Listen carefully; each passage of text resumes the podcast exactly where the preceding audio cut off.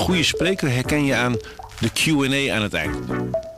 Onze lifehack-expert Martijn Aslander geeft je adviezen waar je echt wat aan hebt.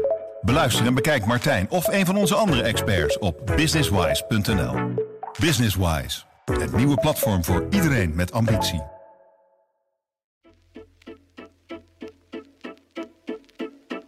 Hallo, dit is Haags Half Uurtje, de politieke podcast van Trouw. Mijn naam is Christophe Smits. Grote opwinding deze week rond de verkiezing van de nieuwe Eerste Kamer. Er was gedoe met restzetels en de regeringscoalitie sloeg aan het puzzelen of ze voor belangrijke wetsvoorstellen rond stikstof- en asielbeleid wel genoeg steun kan vergaren in de nieuwe Senaat. Tegenover mij zit Wilma Kieskamp, die daar alles van weet, politiek verslaggever van Trouw. Welkom, Wilma. Volgens mij hebben we een mooi onderwerp te pakken. Heel veel gebeurt deze week. Ja, hè? en eh, jij was bovendien daar heel erg dichtbij. Want jij was die dinsdagmiddag in het gebouw van de Eerste Kamer. Ik was daar toen de uitslag bekend werd gemaakt, ja. En wie, wie, wie zag je daar allemaal en wat deden ze? Het was een, eh, op zich een hele kleine bijeenkomst, want eh, de huidige Eerste Kamer heeft een heel klein zaaltje voor eh, centrale ontvangst. En het was qua sfeer bijna alsof je bij een soort gemeenteraadsuitslagenavond was beland van een dorp. En daar stonden de lijsttrekkers, de nieuwe fractievoorzitters en alle ogen waren natuurlijk gericht op Ilona Lagas, de fractievoorzitter van BBB in de Eerste Kamer. En alle camera's stonden klaar om haar eerste indruk eh, op te vangen. Ja, want BBB is natuurlijk in één klap van 0 naar 16 zetels gegaan in die Eerste Kamer. Hoe werden zij daar ontvangen eigenlijk? Want ze zijn natuurlijk helemaal nieuw in die Eerste Kamer. Hoe ging dat precies? BBB, kon je, dat zag je daar meteen, eh, is daar met heel veel eh, respect. Ja, dat kan ik wel zeggen. Met heel veel respect ontvangen. En eh, wat ik eerst even moet vertellen is, jij zegt eh 16 zetels. Eh, er zat in wezen een kleine teleurstelling in, denk ik, voor met name de kiezers van BBB. Die al maanden, twee maanden langs eh, aankijken tegen eh, de voorspelling dat hun partij 17 zetels zou krijgen. En het werden er uiteindelijk 16, één minder. En dat heeft te maken met de hele ingewikkelde manier waarop de restzetels in de Eerste Kamer worden verdeeld. Daar gaan we het straks denk ik nog wel over hebben. Zeker. Ehm, je vroeg naar de sfeer en eh, wat mij daar onmiddellijk opviel was hoe ehm, ja, wel, Ilona Lagas, de nieuwe, het nieuwe gezicht naast, gaat zij worden naast Caroline van der Plas, hoe die eh, met alle egaars wordt behandeld, want zij, gaat, zij krijgt daar echt wel macht.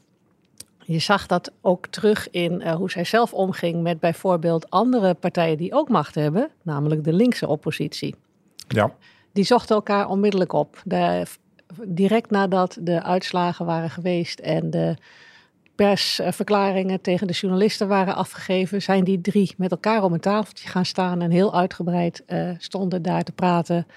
BBB, PvdA en eh, GroenLinks eh, over eh, ja, hun eerste indrukken. En je zag daar eigenlijk, wij maken ons breed. Hier staat de oppositie, hier kan, de, hier kan het kabinet even niet omheen. ja. Het is grappig dat je het over die partijen hebt en eigenlijk niet over de VVD. Wat het is de tweede partij in de Eerste Kamer. Die heeft flink verloren. tien zetels. Maar Edith Schippers werd enige tijd geleden gepresenteerd met veel fanfare als de nieuwe eh, eh, fractievoorzitter in de Eerste Kamer van de VVD. Was zij daar ook? Natuurlijk was zij er ook. En het is haar rentree in de politiek. Ze is zes jaar eh, weg geweest nadat ze minister is geweest hier en heeft een bedrijf geleid, DSM. Ehm, dat je Schippers wat minder ziet is natuurlijk omdat alle ogen nu gericht zijn op de oppositie. En daarnaast speelt dat voor de regeringspartijen ehm, zijn de fractievoorzitters in de Eerste Kamer eh, altijd ehm, relatief minder zichtbaar. Ik denk dat de meesten van ons niet, niet zo de namen op weten te lepelen van wie de huidige fractievoorzitters waren. En je zult, voorspel ik, Edith Schippers de komende jaren ook niet per se heel veel gaan zien. Ehm, het heeft ook te maken met hoe dat het Eerste Kamer heel anders functioneert dan de Tweede Kamer. Bijvoorbeeld fractievoorzitters doen daar veel minder debatten. Ik heb haar ook even gevraagd van wanneer gaan we u voor het eerst eigenlijk bij een groot debat in actie zien. En toen, toen, toen kwam er een hele brede lach op haar gezicht en toen keek ze me aan en ze zei, ja, maar dat is niet hoe het werkt hier. Uh, wij doen eigenlijk als fractievoorzitter alleen een heel groot debat in het najaar, na Prinsjesdag. En dan zal iedereen mij gaan zien. Duidelijk. Hey, je noemde al het woord restzetels. Uh, wat het gekke was, kijk, we zijn dus in maart naar de stembus gegaan voor de Provinciale Staten. Uh, dat was indirect ook voor de Eerste Kamer. Dan zou je zeggen, dan, dan weet je meteen hoe die Eerste Kamer eruit ziet. Maar dat was dus niet zo. Kan je misschien even uitleggen waarom die spanning er toch nog op het laatste moment in zat? Bij de Eerste Kamer is iets ingewikkelds aan de hand, omdat uh, de uitslag van de statenverkiezingen in maart, die bepaalt in, in wezen hoe de Eerste Kamer eruit komt te zien. Maar het is een indirecte verkiezing. Uiteindelijk zijn het de statenleden die hun stem moeten geven. En zij doen dat individueel en persoonlijk. Dus zij kunnen in theorie, en daar begint dan het ingewikkelde, zij kunnen in theorie ook op een andere partij stemmen dan die van henzelf. En uh, dat gegeven wordt gebruikt door partijen om een beetje te schuiven met, je hebt in de ene provincie, zit je heel ruim in je jasje. En in je andere provincie kom je net tekort om uh, een, richting die zetel te gaan. En dat spel, dat wordt dan elke vier jaar gespeeld. En uh, dit jaar is dat, um, ja, was dat nog ingewikkelder dan anders. Ook omdat die Eerste Kamer uh, voor de regeringspartijen een, een, groot probleem is. Zij zijn daar heel klein geworden. En zij moeten dus echt alles op alles zetten om er iets bij te sprokkelen. Willen ze nog een beetje ruimer in hun zetels zitten. Ja, want ze hadden al een minderheid, maar dat is een nog kleinere minderheid geworden. Ja, en om te snappen hoe dat gaat, dan, dan dat, dat werkt het beste misschien aan de hand van een voorbeeld van hoe heeft bijvoorbeeld um, de, de ChristenUnie een extra zetel gekregen. Die zijn van uh, twee naar drie zetels gegaan. En um, ik heb even gebeld met uh, de grote deskundige in het land. Dat is Simon Otjes, een politicoloog.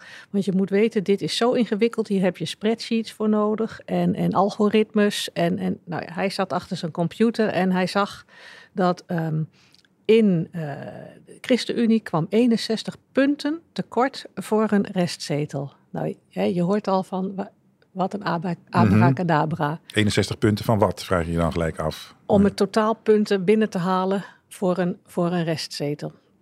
Restzetel is, um, je hebt nog net een klein beetje extra nodig om die zetel te krijgen. Je zit er al dichtbij. En hoe die rekensom gaat is, in de ene provincie is een stem van een statenlid meer waard dan in de andere. Dat gaat op basis van inwoneraantal. Dus een dichtbevolkte provincie als Zuid-Holland, dan is jouw stem als statenlid, is, uh, hou je vast, 692 punten waard. En in een maar in Zeeland is jouw stem bijvoorbeeld maar 100 punten waard. Nou, Klinkt een beetje gegevens... als een songfestival uh, puntentelling dit. Uh, ja, maar, maar ga door. Ja, precies. Nou ja, dus um, ja, al deze ingewikkelde cijfertjes, die gaan nog steeds over hoe heeft de ChristenUnie nou van de die extra zetel kunnen krijgen met hulp van de andere coalitiepartijen. Hoe werkt dat spelletje dan? En dat is hier dus zo gegaan dat al puzzelend zijn, hebben ze ontdekt dat als één D66-statenlid in Overijssel niet op de eigen kandidaten voor de Eerste Kamer zou stemmen, maar op een kandidaat van de ChristenUnie, dan zou D66 daar niet onder lijden, terwijl ChristenUnie wel een extra zetel kreeg. Dus zo is dat gegaan. Oké. En de rekensom ging zelfs nog een stapje verder. De ChristenUnie had zelfs nog een beetje punten over om ook nog de SGP te helpen. En dat is de coalitie ook veel waard. Dat de SGP ook uh, ja, af en toe steun kan verlenen aan kabinetsbeleid. Dus ook Kees van der Staaij kon heel blij zijn, want op basis van wat uh, de uitslag was van maart in de provinciale statenverkiezing zou hij één zetel hebben gekregen. Dat is dus eigenlijk zijn reële omvang. Maar hij krijgt er twee. Twee keer zoveel. Ja, dat is dus inderdaad 100% winst. Daar is de taart wel aangesneden. Oké. Hey, ik hoorde Caroline van der Plas van de BBB ergens zeggen... Uh, van, ja, ik doe niet mee aan die spelletjes en uh, ik ben tevreden met 16 zetels. Maar uh, had die BBB inderdaad ook, als ze een beetje slim hadden gespeeld... die 17e, 17e zetel kunnen bemachtigen? Ik ben vorige week even langs geweest daar bij de fractie van BBB. En daar, daar vertelden ze ook dat ze... Um, eigenlijk een andere eerste prioriteit hadden. En dat was zorgen dat hun eigen statenleden geen fouten maakten bij deze stemming. Omdat het zoiets ingewikkelds is dat uh, je ook uh, door alleen al de verkeerde kleur pen of potlood te gebruiken als je het vakje aankruist. Um, kan je dus een zetel kwijtraken. Dus bij BBB is dit mijns inziens niet per se een soort principieel. We zijn tegen deze, deze handige manoeuvres. Maar um, we hadden eerst een andere zorg. Zij willen natuurlijk heel graag uitstralen nu dat ze een betrouwbare partij zijn. Dat zij geen LPF-achtige toestanden hebben. Dat als daar verkiezingen zijn, dat iedereen gewoon in lijn staat. En niet nu al eerste dissidenten, BBB-statenlid ergens uh, in uh, Noord-Brabant is opgestaan. En dus dat hebben zij gewoon als prioriteit genomen. Oké, okay, oké. Okay. Hey, en er was er met die restzetels ook nog iets geks aan de hand met iemand van GroenLinks uh, en, en, en Volt had daarmee te maken. Wat, wat was daar voor mensen die de afgelopen week nog met Pinkstervakantie zijn geweest? Uh, wat, wat, was daar precies aan de hand? Het drama bij GroenLinks dinsdag en ik, ik, was dat die partij een zetel kwijt is geraakt doordat welgeteld één dissident statenlid in Zuid-Holland anders gestemd heeft. Deze mevrouw Deborah Fernald heet ze, had uh, ruzie met haar partij over uh, hoe, hoe zij intern bejegend wordt. En toen heeft zij uit protest heeft zij dus gestemd niet op een kandidaat van GroenLinks voor de Eerste Kamer, maar op een kandidaat van Volt.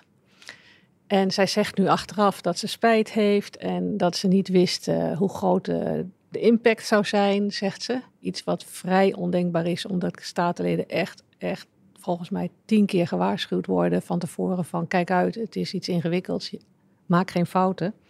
En uh, dat dat zo'n impact heeft, komt omdat Deborah Fernald een statenlid is in Zuid-Holland. En daar hadden we het net over. Die provincies hebben een verschillend gewicht.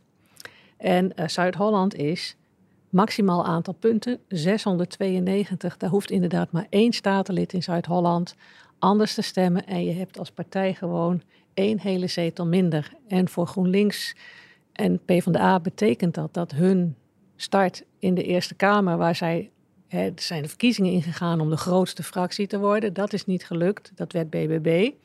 Maar de glans is er nu ook wel een beetje weer extra af. Doordat ze op zo'n ja, zo'n suffe manier uh, deze zetel kwijt zijn geraakt. En dit heeft dus niks te maken met, met spelletjes om restzetels waar je nog wel een, waar je een discussie over kunt voeren over of dat niet een vorm van kiezersbedrog is. Uh, dat hele systeem. Dit heeft gewoon te maken met gedoe in de partij, met hele grote gevolgen voor ja. de partij. En intussen uh, krijgt uh, Volt victorie, want die uh, zien hun zetenaantal opeens verdubbeld van 1 naar 2. De nieuwe, ja. de nieuwe tweede senator van Volt is zelfs iemand die woont in Ierland. Dus hij, staat wel, hij stond wel op de lijst, maar ze hadden er echt niet op gerekend dat hij erin zou komen. Dus die moet nu gaan uitrekenen hoe hij dan hier wekelijks kan zijn om uh, de debatten bij te wonen. Nou, dat gaan we, uh, gaan we op de voet volgen, wat betreft zijn ecologische voetafdruk. om het even terug te brengen naar het niveau van de kiezer. Hè? Want wij zijn in maart allemaal naar de stembus gelokt met de boodschap... ja, je stemt niet alleen voor de Provinciale Staten, maar we stemmen ook voor de Eerste Kamer. En nu hebben we die Eerste Kamer met wat kleine verschuivingen gekregen. In hoeverre kun je zeggen dat die voldoet aan de stemuitslag van maart? In grote lijnen zijn de blokken en de machtsverhoudingen wel hetzelfde gebleven. Dus er is voor de kiezers niet door die uh, verschuiven, die laatste paar zetels die nu verschoven zijn, is er niet een, een balans opeens totaal anders uitgepakt ten opzichte van 15 maart. Blijft natuurlijk wel iets raars, dat gedoe met die restzetels. En daar, daar zou misschien ook eens een keer echt een goede discussie over gevoerd moeten worden of we dit zo wel willen.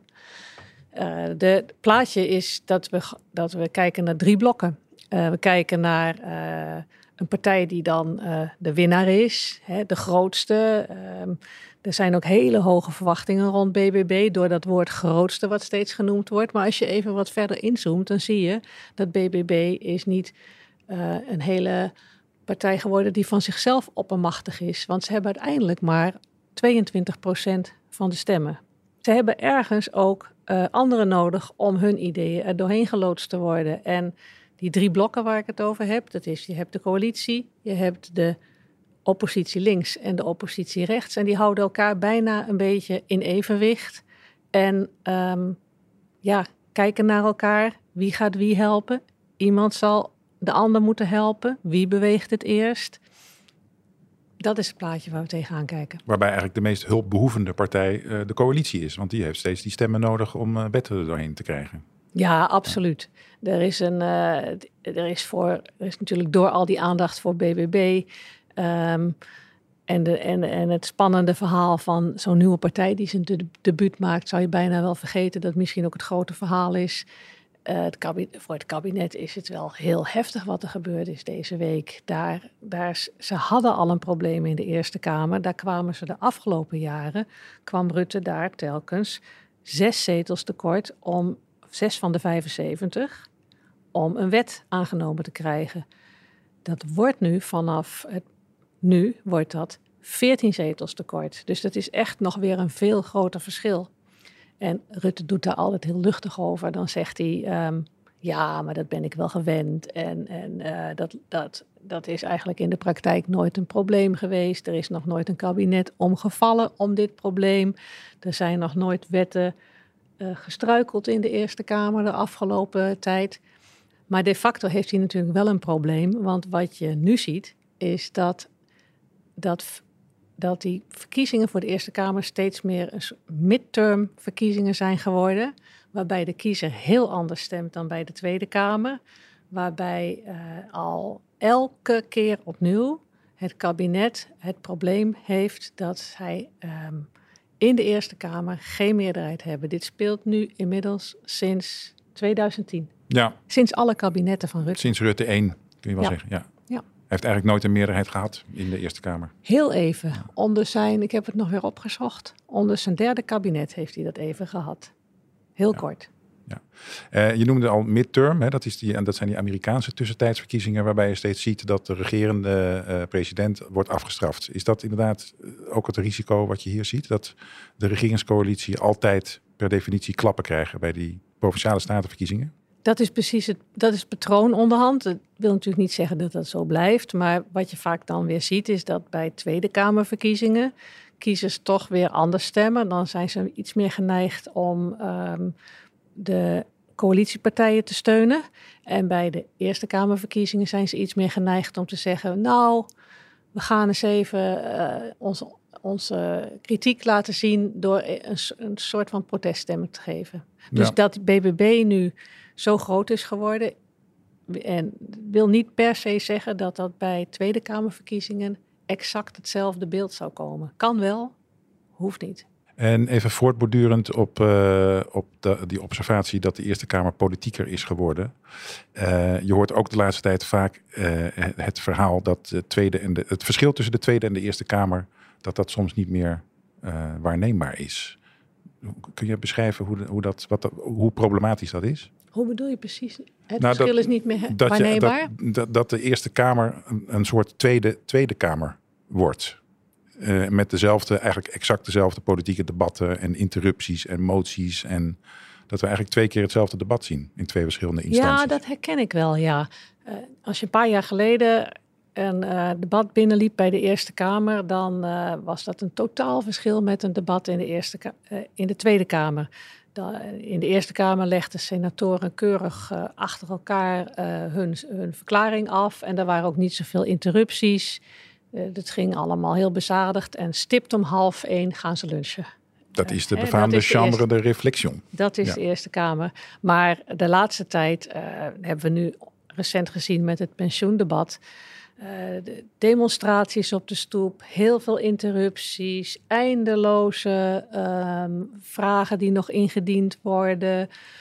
Eh, oppositiepartijen die, die ehm, zo hun tanden erin zetten dat het bijna een soort filibusteren wordt. Eh, dus ja, die, het is daar wel spannender nu. Ja. Ja, en is dat een goede of een slechte ontwikkeling? Vraag ik jou als politiek commentator. Tot nu toe zijn het gewoon debatten waar het over iets gaat. En het staat elke partij natuurlijk vrij om eh, te zeggen: wij vinden bijvoorbeeld de pensioenwet zo'n onding. Ehm, wij, wij, wij gebruiken alle politieke middelen die ons daar netjes ter beschikking staan. Dat kan. Er gebeuren geen hele rare dingen. Ehm, Oké, Wilma, je beschreef al een beetje hoe, eh, hoe partijen van de oppositie links en rechts in de Eerste Kamer zich eh, gaan opstellen en eh, eh, willen onderhandelen. Eh, hoe werken die onderhandelingen dan precies? Wat, wat voor beeld moet ik daarbij krijgen? Om te beginnen is het heel belangrijk om te beseffen dat die onderhandelingen niet plaatsvinden in de Eerste Kamer, gek, gek genoeg, maar in de Tweede Kamer. Wat er uh, gebeurt met een wet als uh, uh, het kabinet een probleem heeft om, om aan een meerderheid te komen, is dat ze niet, het kabinet gaat niet wachten tot die wet in de Eerste Kamer ligt en daar dan nog eens een keer onderhandelen met een partij. Dat heeft de hele praktische redenen.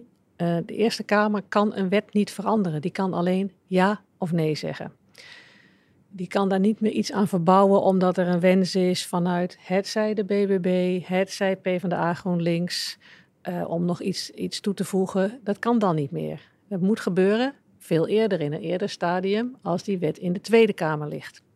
Dus we hadden net over Ilona Lagas, de nieuwe uh, fractievoorzitter van de Eerste Kamer. Van BBB. Uh, van BBB als zij uh, met uh, het kabinet wil gaan onderhandelen over uh, of het kabinet, dat zij misschien wel bereid zijn een, een stikstofwet te steunen, maar dan wel in ruil voor toezeggingen over dingen die BBB belangrijk vindt, dan zijn dat geen onderhandelingen waarbij je moet denken dat gebeurt allemaal met Ilona Lagas, de nieuwe fractievoorzitter. Dat zal zich veel meer afspelen in de in telefoontjes en koffiedrinksessies met Caroline van der Plas in de Tweede Kamer. Hè, Caroline van der Plas heeft ook al gezegd dat ze sinds de nieuwe uitslag bijna niet weet wat er overkomt. Dat ze nu veel vaker gebeld wordt, uh, dat iedereen eindeloos koffie met haar wil drinken. Daar gaat zich dat spel afspelen. Dat is, uh, waar, dat is waar de uh, partijen ook vast kunnen gaan kijken hoe ze beleid bij kunnen buigen. En dat, in de praktijk doen ze dat door dan met een tegenvoorstel te komen waar het kabinet ja, wel, wel um, op moet gaan happen, als het ware, om die steun te krijgen. En het, dus, het punt is dan een beetje om dan niet te veel te eisen en natuurlijk niet te weinig. Mm -hmm. Maar het probleem voor een partij is ook dat je kan niet zeggen: wij willen dat de hele wet zo wordt als, um, als wij het zien.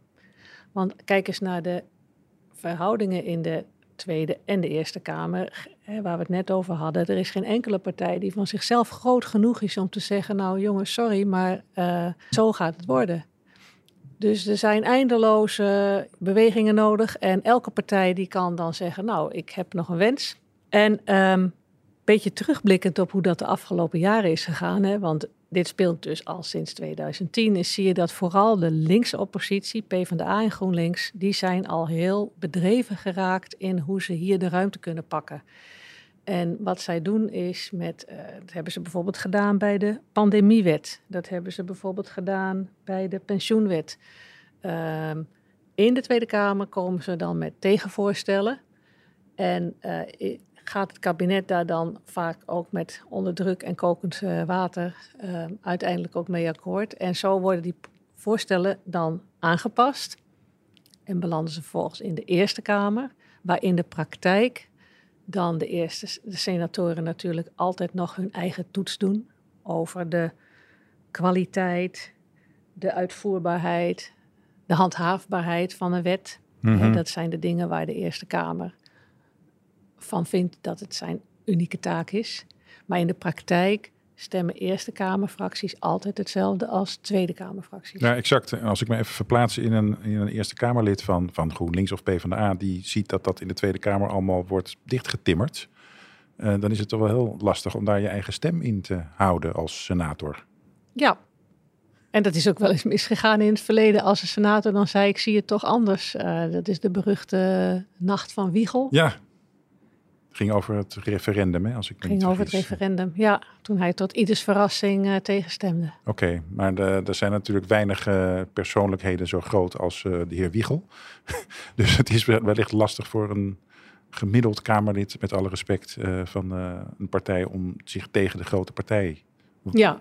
machine ja. te keren. Ja, nou zal hmm. natuurlijk wel, kijk, zo'n fractievoorzitter in de Eerste Kamer, die die, als die voorziet dat, in de, dat, dat uh, de senatoren echt uh, dwars gaan liggen, dan zal die ook op tijd een signaal afgeven van hou daar rekening mee. Want ik heb hier echt uh, wel een paar grote bezwaren voorzie ik dat er komen. Dus op die manier kan hun hebben zij ook wel invloed. Het is echt ja. niet dat ze alleen bij het kruisje tekenen. Nee, oké, okay, oké. Okay. Nee. Het is gewoon een kwestie van goed communiceren binnen de partijen. Ja. Begrijp ik.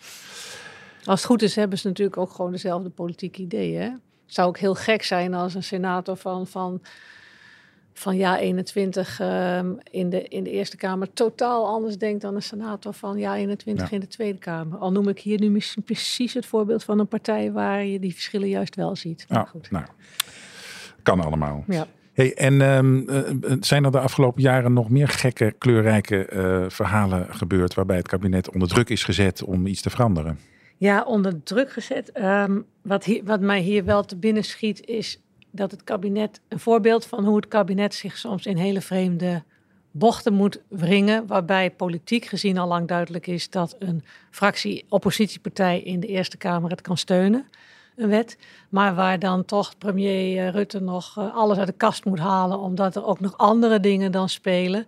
Eh, een mooi voorbeeld is hoe senator Henk Otte, afgesplitst van Forum voor Democratie, die had op een gegeven moment een, een unieke positie dat Rutte hem nodig had om eh, de eerste pakket was het geloof ik van de stikstofmaatregelen. Toen we, toen we geen 130 maar 100 kilometer gingen rijden op de snelweg, om dat aangenomen te krijgen.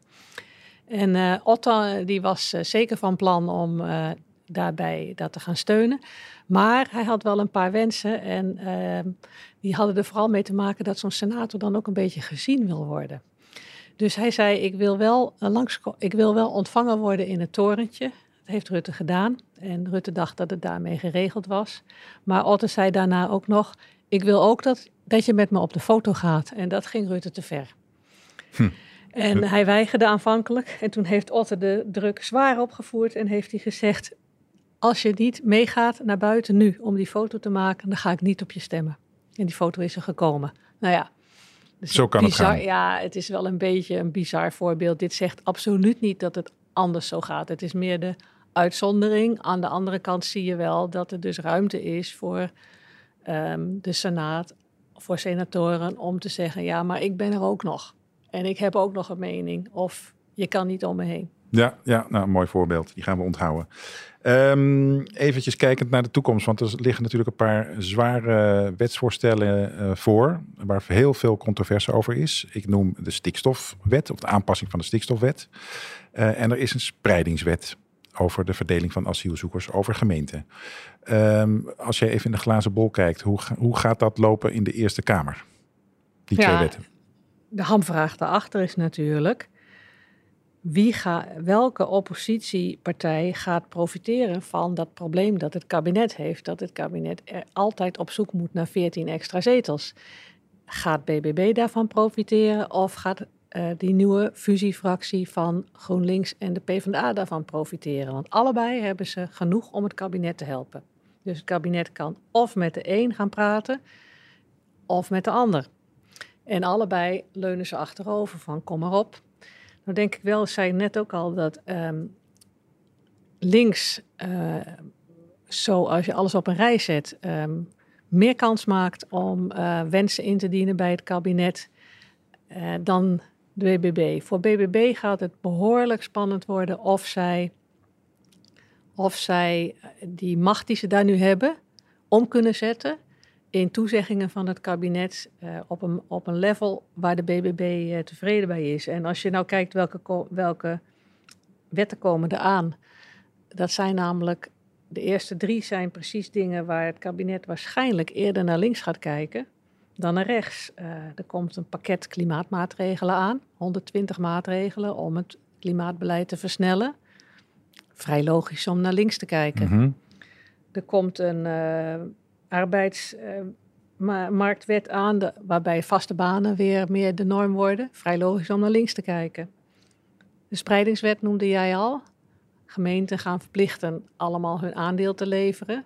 Ja, het is uitgesloten dat rechtse partijen dat gaan steunen. Ja, maar dan heb je dus kans Linkse dat dat, waarschijnlijk eh, wel. Dan heb je dus kans dat, dat, dat die spreidingswet eerder strenger wordt onder druk. Want Ja. volgens mij heeft Volt al gezegd dat ze die Ja. spreidingswet in de huidige vorm Ja. niet steunen, omdat ze die niet ver Daar, te- daar zit links in een unieke positie om te zeggen: we hebben nog wel een paar wensen. En dan moet je wel bedenken: zo'n oppositiepartij kan natuurlijk niet zeggen van die hele wet moet herschreven worden naar onze smaak. Er kunnen wensen ingefietst worden. Daardoor heb je ook vaak nu dat probleem dat die wetten steeds verder als een soort kerstboom worden opgetuigd met nog een wens hier en nog een wens daar om nog een partij uh, tevreden te stellen die ook steun moet gaan verlenen.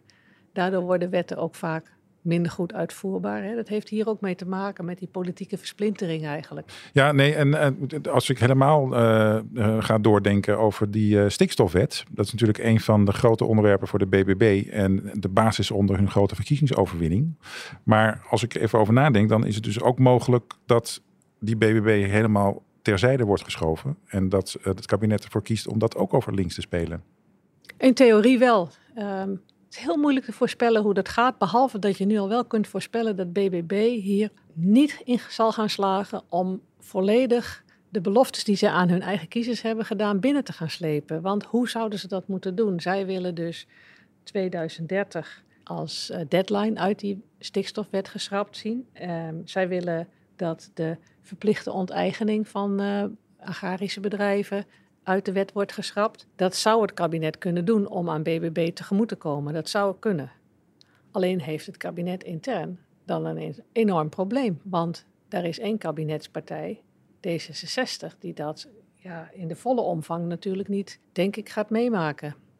Uh, dat zal een, klein, een beetje tegemoetkomen aan BBB, zal misschien wel lukken, maar niet zo fors als, als Caroline van der Plas zelf wil. En dan hebben we nog het CDA, die uh, uh, in een zeer moeilijke positie zit in dit dossier. Ja, het CDA zal heel graag uh, willen dat het kabinet naar rechts kijkt voor steun voor die stikstofwet. En voor dat transitiefonds van 24 miljard euro. Hè, er ligt een enorme bak geld klaar voor boerenbedrijven om om te schakelen. Maar um, alleen als of BBB dat steunt of de linkse partijen dat steunt, komt dat geld beschikbaar. En BBB heeft al gezegd, nou, daar gaan wij alleen voor stemmen als die datum van 2030 eruit uh, gaat. Uh, daarmee, daarmee voeren zij de druk op op het kabinet. Voor het CDA is dat gewoon, is dat natuurlijk best wenselijk dat die druk daar ligt. Ja, maar goed, in het, uh, even door speculerend uh, over het BBB uh, links laten liggen of rechts laten liggen. Dat is voor het kabinet misschien ook een heel groot risico met het oog op de volgende verkiezingen voor de Tweede Kamer. Want dan gaat de BBB waarschijnlijk richting 100 zetels als, als protest. Het kabinet heeft nu als eerste probleem dat ze gewoon een intern probleem hebben waar ze een knoop door moeten hakken. Of ze nu met hoe ze verder gaan met stikstof. Of ze op de afgesproken weg verder gaan. Maar dan krijgen ze geen steun van BBB. En dan zal links ook nog wel eisen dat het misschien een beetje uh, qua stikstof wat, uh, ja, toch een wat linkser, linkse wensen nog aan toegevoegd worden. Um, maar het kabinet zal zijn eigen probleem eerst moeten oplossen. Dus om, dat, is, dat is ook wel weer het interessante met die drie blokken die elkaar een beetje in evenwicht houden. Uh, eerder kon het kabinet eigenlijk alleen naar links kijken voor steun. Er was in de Eerste Kamer op rechts wel, zaten wel oppositiepartijen, maar dat was vooral Forum en PVV. En daar, daar viel eigenlijk niet. Dat, was ondenkbaar dat die überhaupt uh, een kabinetsvoorstel aan een meerderheid gingen helpen. Nu heeft het kabinet twee kanten waar het naar kan kijken. Maar omdat er twee keuzes zijn, is het grappige effect dat ze eigenlijk meer zelf moeten gaan nadenken wat ze nu zelf willen. Oké, Wilma, duidelijke boodschap voor het kabinet. Zij moeten uh, zelf hun huiswerk maken eerst. Uh, en dan de rol van de Eerste Kamer, dat uh, zien we dan wel weer. Dankjewel voor je heldere uitleg. Dit was Haags half uurtje voor deze week, de politieke podcast van Trouw. Mijn naam is Christel Smit en deze podcast wordt gemaakt door Hanne van der Wurf en George Paul Henneberken. Meer podcasts zijn te vinden op onze website www.trouw.nl slash podcasts. Volgende week zijn we er weer. Tot dan. Vind je dit een fijne podcast? Luister dan ook naar De Klimaatkwestie, een nieuwe podcast van Trouw. Het klimaat, de energiecrisis, de stikstofcrisis. Je kunt hier neerslachtig van worden, maar dat doen we niet. Mijn naam is Nienke Zoetbrood en dit is De Klimaatkwestie, de groene podcast van Trouw. Samen ontrafelen we wat er speelt en wat we doen om ervoor te zorgen dat de aarde niet vergaat. Je luistert de nieuwe podcast van Trouw binnenkort in alle podcast-apps of via trouw.nl/slash podcast.